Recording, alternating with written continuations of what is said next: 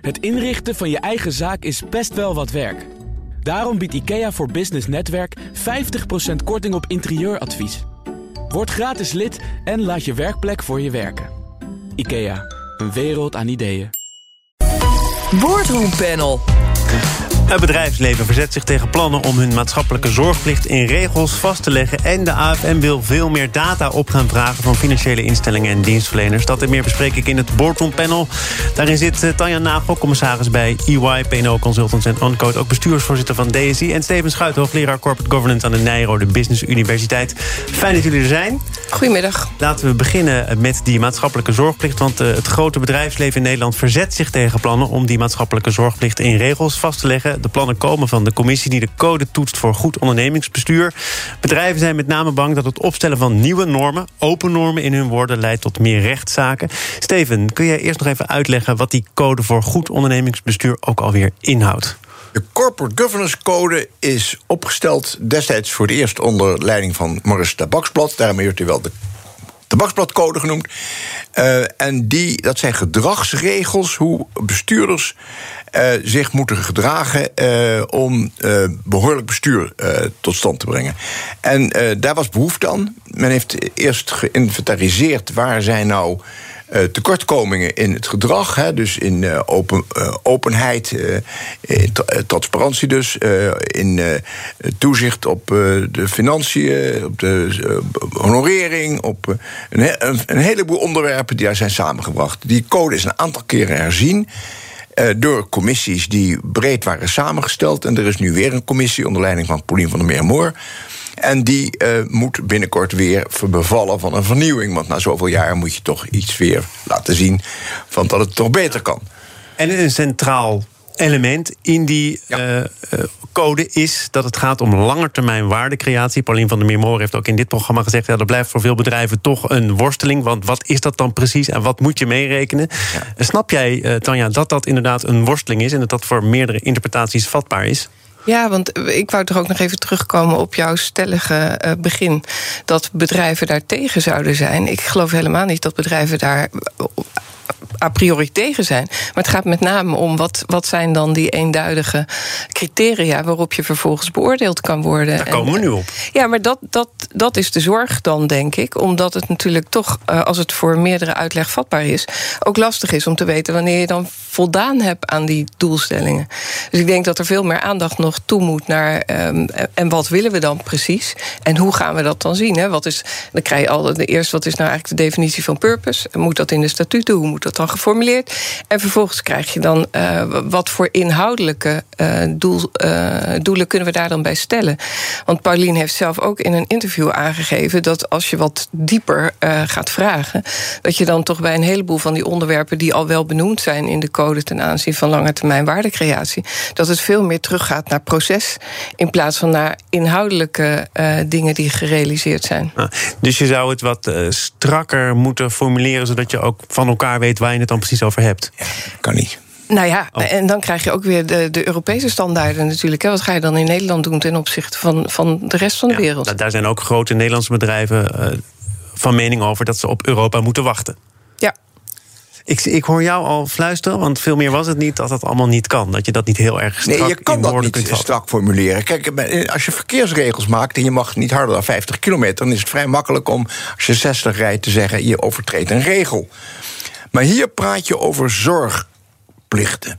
En uh, er is behoefte om het bedrijfsleven uh, richting te geven hoe ze zich moeten opstellen in de samenleving. Meer uh, meewerken aan een betere wereld. Dat is ook helemaal in overeenstemming met het recente VNO-rapport over brede maatschappelijke welvaart. Prachtig rapport. Uh, die bedrijven die, waar, die dan nu uh, zich zouden verzetten tegen die wijziging in de Corporate Governance Code, hebben ook ingestemd met dat rapport van het VNO. Op zichzelf is dat prima. Maar zodra je gaat zeggen, je hebt een verplichting om. Een maatschappelijke, in het maatschappelijk verkeer op een verantwoorde wijze deel te nemen dan ben je bezig met een open norm. Een open norm die dus de rechter moet invullen. En daar zitten die bedrijven uh, aan te kijken tegen de Shell. Maar als jij het nu zo tegen mij zegt... Hè, je hebt een verplichting om op een verantwoorde manier deel te nemen aan het maatschappelijke Ja. verkeer. Dan zou ik zeggen, Steven, we kunnen elkaar de hand schudden. Dat wil toch iedereen eigenlijk? Ja, maar wat is dat dan precies? Nou, dat is, Da- daarvoor heb ik de verkeerde studie gevolgd. Want dat is dan kennelijk, Nee, dat- zij, voor daar- de rechter. dat kan je niet op de voorhand zeggen. Dat hangt van het concrete geval af. Ja. Dat moet de rechter invullen met de nodige terughoudendheid. En in het rapport wat destijds is uitgebracht door die 25 ondernemersrechthoogleraren... staat dat ook uitdrukkelijk. De rechter moet zich terughoudend opstellen. In beginsel is het bestuur zit op de bok. Waar het bedrijfsleven bang voor is dat die rechter... met meer dan één bil eh, gaat zitten op de stoel van de bestuurder. En dus eigenlijk een verantwoordelijkheid overneemt die eh, hem niet past en die waar hij ook niet voor geleerd heeft. Vind je dat dat bijvoorbeeld in die Shell-zaak al gebeurd is? Ja. Eh, ik denk dat die uitspraak ook niet overeind blijft. Ik denk dat er althans een stuk eh, daarvan eh, weg moet. Want Shell wordt geplaatst voor een verantwoordelijkheid. Niet alleen voor zichzelf, maar ook voor zijn toeleveranciers en zijn afnemers. Dat is iets wat ja. Maar dat vind ik interessant, want in het, in het FD werd iemand geciteerd op basis van anonimiteit. Maar daarin wordt gesteld dat bedrijven geen verantwoordelijkheid kunnen nemen voor alle externe effecten van hun handelen. Nou ja, dat is, een, dat, dat is een sweeping statement waar ik niet achter sta. Je kan wel degelijk verantwoordelijkheid nemen voor zekere externe effecten. Met name uitstoot van CO2 en uitstoot van ver- vervuild water. Maar je, als je zegt je moet verantwoordelijkheid nemen voor je toeleveranciers en je afnemers, dan ga je wel heel ver. En vooral omdat Exxon en BP en ga maar door dat niet hoeven.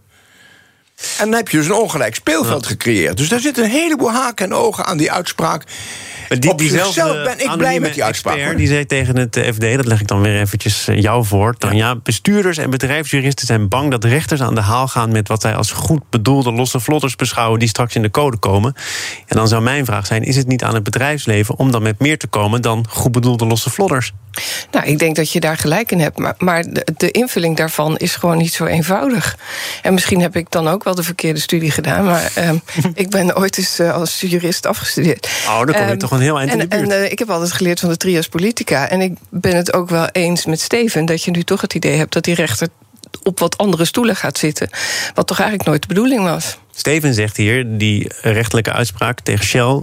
die blijft niet overeind. Jij als jurist, want zo ga ik dat nu natuurlijk bestempelen. Wat denk jij dan? Nou ja, ik denk, ik, ik snap volkomen dat eh, Shell in hoger beroep gaat. Eh, ze kunnen niet eens anders, denk ik. Ehm, en ik ben het met Steven eens. Ik denk ook dat dat niet overeind blijft. Maar het is wel heel boeiend om te volgen. En het is ook zeker een signaal aan het bedrijfsleven om op te letten. eh, hoe ze zich maatschappelijk eh, opstellen. En Ja, maar dat maakt het dus nog ingewikkelder om invulling aan die lange termijn waardecreatie te geven. Nee, dat zou ik juist denken van niet. Ik denk het tegenovergestelde. Ik denk dat als je met elkaar eh, overlegt, want dat gaat nu gebeuren, hè, over hoe je met de, het menselijke, het sociaal en het, eh, het, het, het natuurlijk kapitaal omgaat. Eh, dan, eh, kijk naar dat rapport van VNO-NCW. Dat bevat eh, hele concrete aanbevelingen. En, en, en pagina na pagina. En de manier waarop het is opgeschreven. Ach, kan je daar nauwelijks bezwaar tegen maken? Het zijn schitterende. Ja, maar, dus, maar dat is toch een deel van het probleem. Iedereen is het er wel mee eens. Totdat je dat gaat concretiseren en er misschien wel wettelijke consequenties aan gaat verbinden. Ja, dat, ja, dat is niet anders. Je, praat natuurlijk niet vri- vrijblijvend met elkaar over dit Maar, soort maar jij zegt, er moet nu over gesproken worden. Dat gebeurt ook. Ik begrijp dat er nu een belangenbehartiger is van beursgenoteerde Ja. fondsen. Die zegt, wij schrijven wel een concepttekst. En Ja. dan gaan we dan de boer mee op naar vakbonden en werkgevers. Nou ja, ik denk dat, het, de- ik denk dat het eigenlijk een hele slimme eh, zet is. eh, ook van Paulien van der Meermoor. Als jullie tegen zijn, zeg dan maar hoe je het wel wil. Maar je, kan niet, je komt niet weg met een lege tekst. Je moet wel iets van substance gaan vertonen over hoe wij dit probleem gaan adresseren. Want, en nu zeg ik dit er even bij. We leven in een, in een crisissituatie. Ik praat niet over de pandemie. Ik praat over het feit dat er een enorm klimaatprobleem is. Wat voor sommige mensen eh, heel knellend overkomt. En het bedrijfsleven moet meewerken aan het oplossen van die problemen. En olieindustrieën zijn de meest gereden partijen om de eerste stappen te zetten. Hoe kijk jij naar deze gang van zaken? Dus inderdaad dat initiatief dat nu dan lijkt te komen te liggen... bij die belangenbehartiger van beursgenoteerde bedrijven... die een concepttekst gaan maken? Ja, maar dat is een onderdeel. Ik denk dat dat een goede zet is. Maar vervolgens eh, zei Paulien van der Meermoor ook... ja, weet je, ik doe nu even geen commentaar... want we zijn in overleg met alle Ja, partijen. ja, er is geduld voor is, nodig. Daar is FUIO er natuurlijk één van. Dus het is goed dat er een, een, een voorzet komt. Maar vervolgens zullen ze het daar eerst met elkaar over moeten hebben... hoe ze daarmee verder kunnen. Zou het zo kunnen zijn dat het uh, zometeen toch voor een deel neerkomt op een Europese verantwoordelijkheid. Want ik begrijp dat er ook regels zijn die gelden vanaf 2023 voor jaarverslagen van grote bedrijven. Dat die duidelijker moeten maken wat zij presteren op het gebied van duurzaamheid. Zodat dat groenwassen een beetje op de achtergrond raakt. En dat er toch echt wel duidelijk moet zijn: oké, dit is serieus en dit is voor de bühne. Uh, dat daar harde criteria voor worden opgesteld. Dus dat bedrijven zich ook nergens meer achter kunnen verschuilen. Nou ja, dat zou heel mooi zijn, maar dat maakt het nog gecompliceerder, denk ik. Als je het uh, op Europees niveau wilt kunnen afstemmen. Waarom zou het dan nog gecompliceerder worden? Nou, omdat je dan allerlei uh, andere vertegenwoordigers in al die andere landen hebt die er misschien wel net weer even anders over denken. Nou, ik denk dat het helemaal niet moeilijker wordt. Integendeel. Volgens mij worden jullie het gewoon zijn zo... dit half uur nergens over eens. Dat, daar verheug ik me zeer op. In, in Frankrijk zijn ze op dit punt al veel verder dan wij. Uh, in Duitsland uh, lopen ze gelijke pas of ook een beetje voor. Uh, wij lopen helemaal niet voor in de rij met dit onderwerp. En dat de Engelsen altijd tegenlagen in het verleden. Hebben we nu geen was meer van. dus Boris Johnson kan zijn eigen, eigen was doen en krijgt natuurlijk op zijn kop van Joe Biden. Uh, dus ik denk dat wij in Europa wel degelijk langs diezelfde lijnen ons gaan ontwikkelen. Nederland moet niet bang zijn voor uh, de grote beleggers, want dat is een van de argumenten. Hè. De grote beleggers pikken dit niet. Uh, ik zou niet weten waarom niet. We gaan, nu we toch in Europa zijn aangekomen, naar een ander voorstel. BNR Nieuwsradio. Thomas van Zeil. En dat doe ik samen met de leden van het boardroom panel Tanja Nagel en Steven Schuit. De Europese Commissie gaat een witwasautoriteit opzetten om grensoverschrijdende transacties te controleren. In 2024 gaat die autoriteit van start met 250 medewerkers. In 2026 zou die ook echt operationeel moeten zijn in heel Europa. De autoriteit wordt betaald door de financiële instellingen die daardoor zullen worden gereguleerd. Tanja, wat is jouw eerste reactie op dit voornemen? Nou, het lijkt me heel goed als dat Europees uh, recht getrokken wordt. Dat het allemaal dezelfde richtlijnen worden. Ik vraag me wel af of dan uh, die plaatselijke, die, die FIU die wij hebben opgaat in de Europese unit, of dat dat allemaal naast elkaar blijft bestaan. Want Um, die kosten lopen natuurlijk alleen maar steeds verder op. Dus het zou wel fijn zijn als het zo efficiënt mogelijk kan. Um, maar je kan van het initiatief alleen maar een voorstander zijn. en, en wat zouden de verantwoordelijkheden, wat zouden onder die autoriteit moeten vallen?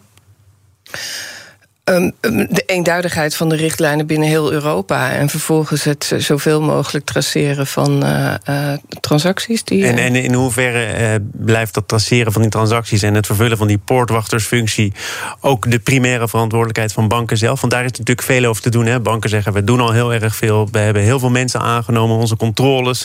Ze zullen nooit waterdicht zijn, maar we hebben ons been echt wel bijgetrokken. Is dat wat jou betreft ook al voldoende gebeurd? Nou ja, weet je, ik heb het hier al wel eens eerder verteld, maar dan gaan we wel even terug de trechter in. Um, ik vind het toch wel een beetje ingewikkeld um, op het moment dat je uh, de misdaad in Nederland niet goed weet te handhaven of weet te voorkomen. Um, dat je dan datgene wat het oplevert in die onderwereld, wat natuurlijk witgewassen moet worden, want anders hebben ze er niks aan, dat je die verantwoordelijkheid voor toch een heel groot gedeelte dan bij private instellingen neerlegt. Dus dat vind ik nog steeds een beetje gek. Er stond in diezelfde FD waarin stond dat we dit allemaal mochten verwachten, een interview met een. Uh, uh, Euro, uh, een commissaris uh, uit Europa, een Belg, die zei van ja, nu de vierde misdaadverslaggever binnen Europa om het leven is gekomen, vraag ik toch aan elke staat om nou eens te zorgen dat ze alles op orde krijgen en dus ook de gelden ter beschikking te stellen die nodig zijn om de handhaving op te krikken. Nou, dat zou ik dan ook graag willen. Dus jij vindt dat er meer gekeken moet worden naar de oorzaak? Of laat het ja. onverlet dat er ook heel veel aandacht moet uitgaan tuurlijk naar de gevolgen daarvan? Ja, tuurlijk. Maar als je het beter in de hand hebt, want ik geloof dat we nu 30% van de misdrijven weten op te lossen. Weet je, als je dat op 50 of op 60 procent hebt, dan heb je minder geld wat vervolgens witgewassen kan worden, denk ik. Steven? Ja, kijk, je moet het een en het ander doen. Uh, er is uh, een geweldige hoeveelheid geld nodig om de misdaadpreventie uh, buiten het witwassen uh, op niveau te krijgen. En, en, dat is niet op niveau.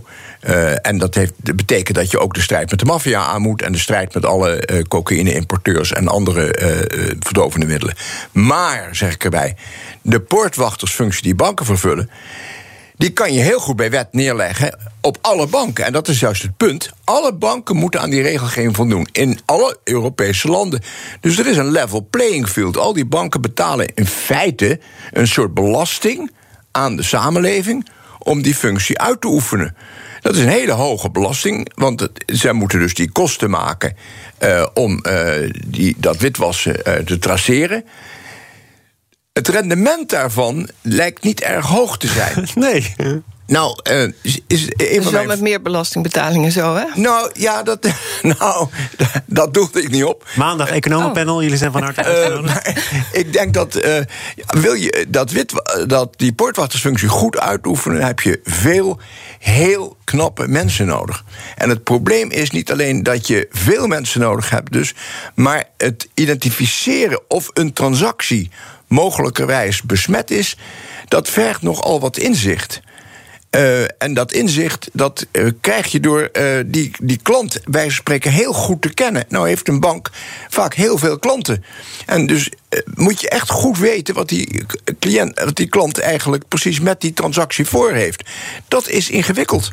Daar heb je knappe nou, koppen mee nodig. Nu we toch allemaal het FD hebben gelezen, ik ook, zelfs eind juni al. En ik moest denken aan dat stuk. Daarin gaat het over DNB als toezichthouder en dat er de afgelopen jaren toch wel het een en ander veranderd is. Maar een financieel expert zegt erin: criminelen zijn meestal hele goede klanten. Ze betalen op tijd, maken geen moeilijkheden. Daar neem je als bank niet zo snel afscheid van. Dan heb je dus een toezichthouder nodig en ook druk van buitenaf om je punt te maken, het OM. Denk jij toch ook, Tanja, dat veel van die banken pas echt wakker zijn geworden na die grote megaschikkingen en dat het voor die tijd misschien niet de topprioriteit was die het had moeten zijn? Nou, dat weet ik niet, want er zijn ook een heleboel uh, organisaties waarbij dat best goed gelopen is. En die natuurlijk ook met niet zoveel transacties te maken hebben als die grootbanken. Um, dat is zo. En natuurlijk is er een hoop gebeurd uh, sinds die boetes. Um, maar of we nu op het niveau zitten waar we moeten zitten. En weet je, die banken betalen in Stevens woorden belasting. Uh, dat zijn natuurlijk uiteindelijk uh, de klanten en de aandeelhouders die dat betalen. Hè? Ja, Want, dus de vraag is, wie, wie doen we daar nu eigenlijk een plezier mee? En is het toch niet veel logischer dat de belastinggelden die wij allemaal betalen... daarvoor gebruikt worden via de overheid... in plaats van via private ondernemingen? Ja, maar de, de, de, wij doen onze betalingen niet via de overheid, maar via banken. Nee, belastingen doen we via de overheid. Ja, maar goed, ik bedoel, het woord belastingen gebruik ik natuurlijk een overdrachtelijke zin. Uh, waar het om gaat is, die banken maken kosten, enorme kosten, ten behoeve van de samenleving. Niet ten behoeve van hun eigen belang. En uh, die enorme kosten die ze maken, uh, die maken ze omdat wij geen andere manier weten om dat witwassen te op te sporen. Nou, en dan kom je op Tanja's punt. Als je eerder in de keten al orde op zaken stelt, dan kunnen die kosten voor banken ook worden gereduceerd. Zou fantastisch zijn, maar zolang dat we dat Jij niet. gelooft er niet in. Daar, nou ja, kijk, kijk naar de war on drugs die in Amerika wordt gevoerd en uh, inmiddels al, al, al jarenlang geleden is, is verloren. Um, en uh, ik denk dat wij in Nederland ook die, die, die wedstrijd niet gaan winnen. Uh, ja, als zodanig. maar dan toch, hè, als de overheid taken uitbesteedt aan, aan banken, dan zou het ook logisch zijn dat daar een vergoeding tegenover stond. Nee, nee, helemaal niet. Helemaal niet. Ik denk dat je gewoon, als je alle banken dezelfde taak oplegt. Banken zijn uh, semi-publieke instellingen. Hè? Banken zijn niet gewoon een private bedrijven. Die hebben een publieke functie. Uh, en die hebben wel meer taken. Uh, in het betaalverkeer te vervullen, die, uh, waar ze niet noodzakelijkerwijs zelf aan verdienen. Nou, ik zei het al van tevoren, hier worden wij maar niet over. beloning heb jij dan voor ogen? Nou, de vergoeding van een gedeelte op zijn minst van die kosten die ze maken. Ja, want ik zie dat echt als een overheidstaak wat er daar gebeurt. Vind jij dan dat die banken op dit moment veel te veel geld kwijt zijn aan al die controles, aan het aannemen van al die mensen die die witwaspraktijken op moeten sporen? Ja, en, en het, gaat, uh, het, het, is nodig, daar ben ik meteen eens. Uh, dus het is ook logisch dat het gebeurt. Maar de vraag is of het logisch is dat, dat de kosten op deze manier verdeeld worden. Een ander element dat er nog voorbij komt als het gaat over die Europese nieuwe autoriteit, is dat er een uh, plafond komt aan contante betalingen. Dat is ja. er overigens al. Ja. Maar ik sprak zojuist iemand uh, die te maken heeft met een sector waarin contant betalen kennelijk nog uh, nou, meer de norm is dan de uitzondering. Uh, bij bedragen boven de 3000 euro ja. moet er in Nederland nu toch echt wel een stevig alarmbelletje afgaan. Er komt zelfs een verbod op. Ja. Begrijp jij dat, Steven? Uh, ja, als het contant gaat wel. Uh, maar je kan nog heel goed digitaal betalen. En, um, ja, maar dat... hij doet zaken in Oost-Europa en daar gaan dingen nou eenmaal nog. Ja, maar dat is, vaak, dat is vaak juist vanwege de criminele mogelijkheden. Is dat niet, is dat niet al te simpel gesteld? Nee, ik denk het net niet. over de Europese verschillen en die zijn er nog eenmaal. Nee, er zijn ook in Nederland partijen, eh, denk maar eens aan alle cafés en restaurants, die het heerlijk vinden om contant af te rekenen. Ik kom, ik kom regelmatig in cafés waar ze zeggen: Nou, kan het ook contant? Je bent medeplichtig. nou ja, in een in way denk ik dan, dat vraag je niet voor niks. Dat vraag je omdat je gewoon het liever niet in je, in je boeken hebt staan. Uh, en dat geldt, dat geldt in, in, uh, in Polen en Tsjechië en vooral in Bulgarije en Roemenië natuurlijk helemaal. Ehm, dat, die zwarte, dat zwarte circuit wat we hebben in de wereld is gigantisch.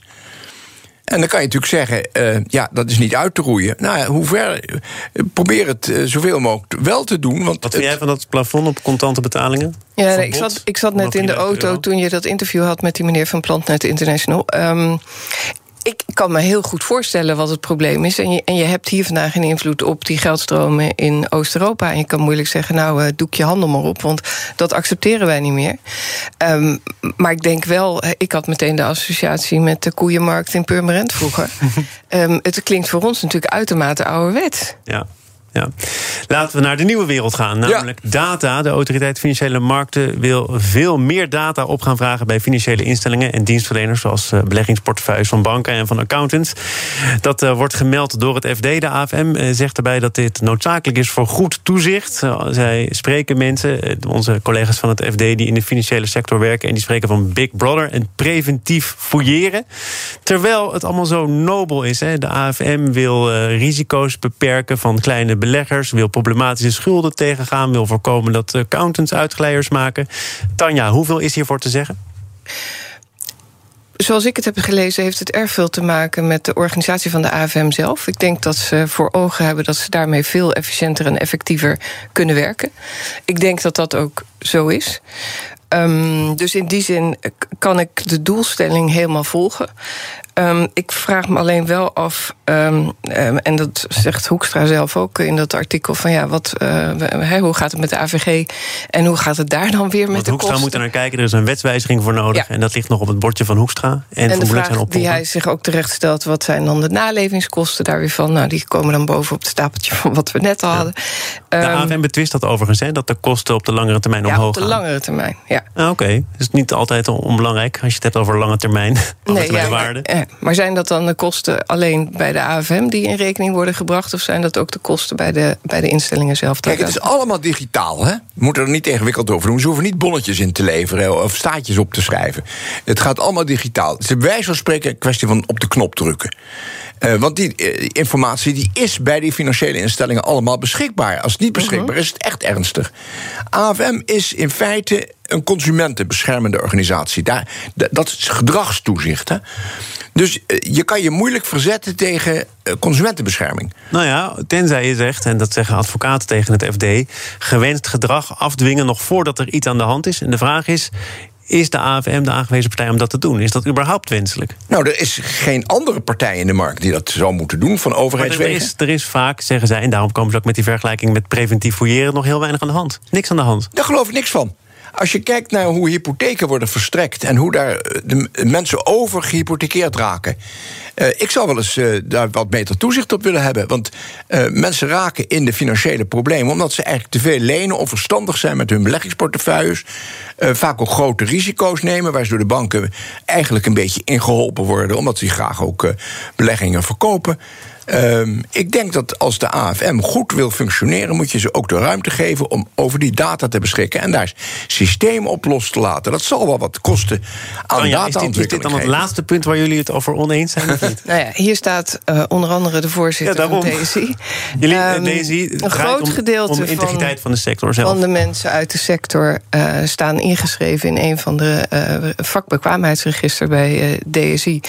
En houden ook jaarlijks hun integriteitsmodule bij. Ehm, dus ik, ik ben het niet eens met wat Steven zegt ten aanzien van de, de, de mogelijkheden dat er heel veel mis zou zijn in de sector. En in die zin zou het ook helemaal niet erg zijn als de AFM dat wat makkelijker kon controleren. Prima. Um, ik, ik ben alleen benieuwd naar uh, inderdaad, wat gebeurt er dan met die data en hoe kom je er dan achter dat dat inderdaad misschien. Hè, want we hebben het over proactief, terwijl uh, preventief is de kant van de sector die, die er al meteen aangekoppeld wordt. De vraag is, wat komt er dan uit die data op basis waarvan wat te concluderen valt? Daar ben ik wel benieuwd naar. Voordat we in ik een ook, nieuw twistgesprek terechtkomen bedank ik jullie alvast voor jullie bijdrage. Steven Schuit, hoogleraar Corporate Governance aan de Nijrode Business Universiteit. En Tanja Nagel, onder andere bestuursvoorzitter van DSI. Ook commissaris bij EY, PNO Consultants en Uncode. Tot een volgende keer, die zal er ongetwijfeld komen. Zometeen gaat het in dit programma over familiebedrijven... en waarom die over het algemeen beter door de coronacrisis komen dan andere bedrijven. Het inrichten van je eigen zaak is best wel wat werk. Daarom biedt IKEA voor Business Netwerk 50% korting op interieuradvies. Word gratis lid en laat je werkplek voor je werken. IKEA, een wereld aan ideeën.